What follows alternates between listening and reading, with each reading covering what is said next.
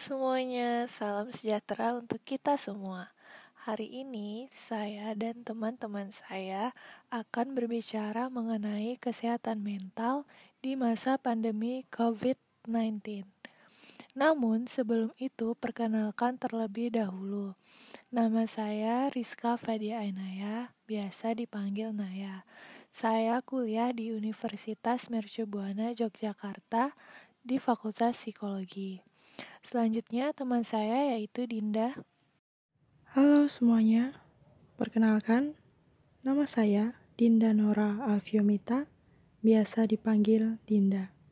Saya juga berkuliah seperti Naya di Mercubuana, Yogyakarta, Fakultas Psikologi. Eits, tunggu dulu. Masih ada satu teman saya nih yang belum kenalan. Halo semuanya, Perkenalkan, nama saya Shirley Ronopi Gidaranante, biasanya dipanggil Shirley. Saya juga kuliahnya di UMY, Fakultas Psikologi Angkatan 2017. Terima kasih, semoga sehat selalu. Oke guys, di sini saya mau bilang kalau pandemi COVID-19 ini berpengaruh terhadap kesehatan mental kita sehingga perlu penanganan tersendiri karena pandemi ini telah mengubah beberapa aspek kehidupan seperti ekonomi, sosial, dan psikologis. Saat ini, kita lebih sering mendengar istilah seperti physical distancing, karantina, dan isolasi diri. Untuk kita nih yang sedang berkuliah atau bersekolah juga harus melakukan studi from home, work from home, beraktivitas di rumah, dan mengurangi aktivitas di luar rumah yang tidak penting. Penanganan di fasilitas kesehatan pun mengalami perubahan. Kondisi ini berubah sangat cepat, dan kita tidak tahu mau sampai kapan seperti ini. Apakah kita akan memulai kebiasaan yang baru, atau seperti apa? serta pemberitaan mengenai COVID, mengenai pasien yang positif setiap hari secara terus-menerus. Hal ini bisa menyebabkan perubahan terhadap kesehatan mental kita. Sebenarnya, apa sih kesehatan mental itu?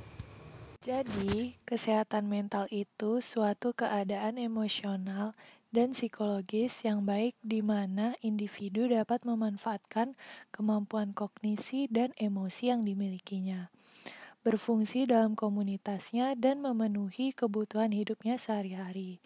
Nah, menurut tokoh Sururin, kesehatan mental itu terhindarnya seseorang dari gangguan dan penyakit jiwa, lalu kemampuan untuk menyesuaikan diri dengan dirinya sendiri, orang lain, dan masyarakat serta lingkungan di mana ia hidup.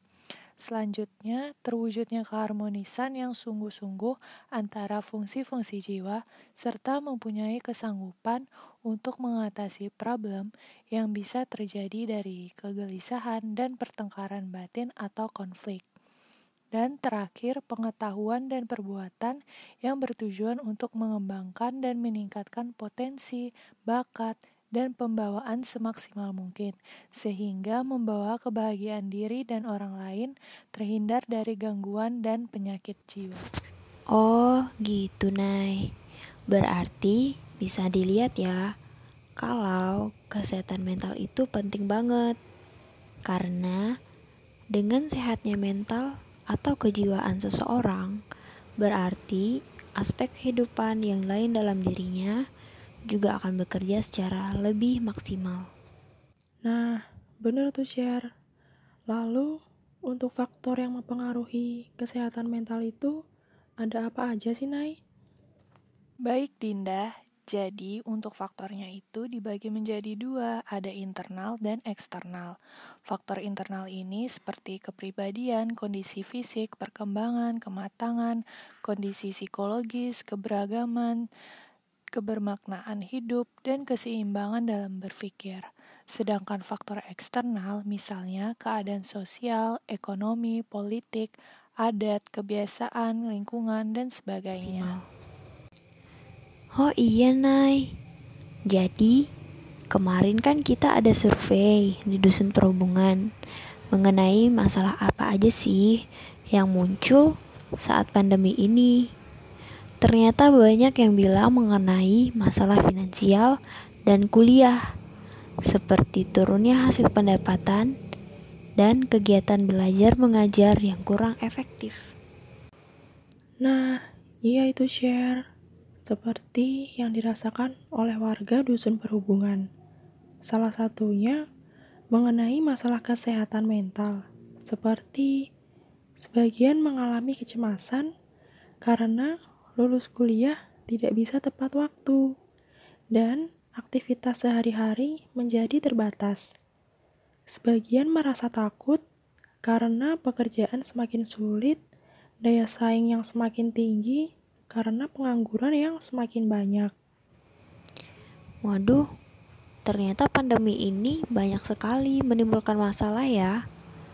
Dan saya pikir pun semua orang terdampak pandemi ini. Iya, Sherdin, masa pandemi COVID-19 ini juga berdampak pada aspek psikologis seperti yang sudah kalian sebutkan dan bisa membuat individu merasa stres, takut, cemas, perubahan emosi menjadi negatif yang dapat menurunkan produksi imunitas di dalam tubuh. Nah, untuk itu, yuk kita bahas gimana sih caranya meredakan akibat dari dampak tersebut. Hal yang pertama yang perlu dilakukan bisa dimulai dari membatasi untuk menonton berita di TV atau media sosial jika merasa khawatir akan angka penderita yang terus meningkat dan jumlah kematian akibat COVID. Yang kedua, kita bisa melatih pernafasan dan relaksasi minimal 10 menit setiap hari. Lalu selanjutnya bisa melakukan self-care seperti yoga, menulis jurnal harian, tidur, dan lain sebagainya. Terakhir, kita bisa bersosialisasi dengan teman menggunakan aplikasi seperti Zoom, Google Meet, dan lainnya. Aku juga punya tips nih, Nay, untuk mengurangi rasa takut, cemas, dan khawatir tersebut.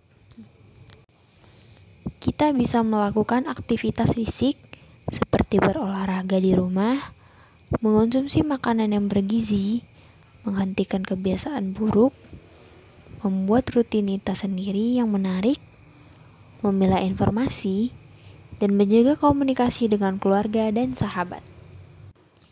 Wah, ternyata banyak juga ya tips yang bisa kita lakukan agar kesehatan mental kita tidak terganggu selama pandemi COVID-19 ini. Bener banget, Din kita harus menjaga kesehatan mental kita selama masa pandemi ini. Dan semoga kita semua bisa mengaplikasikan tips-tips yang sudah kita sampaikan. Saatnya kita pamit undur diri. Terima kasih semuanya sudah mendengarkan dan meluangkan waktunya untuk kita. Semoga ke depannya kita menjadi lebih baik dan corona cepat berlalu ya. Salam semangat, salam sehat jiwa dan raga. Jangan lupa selalu bahagia.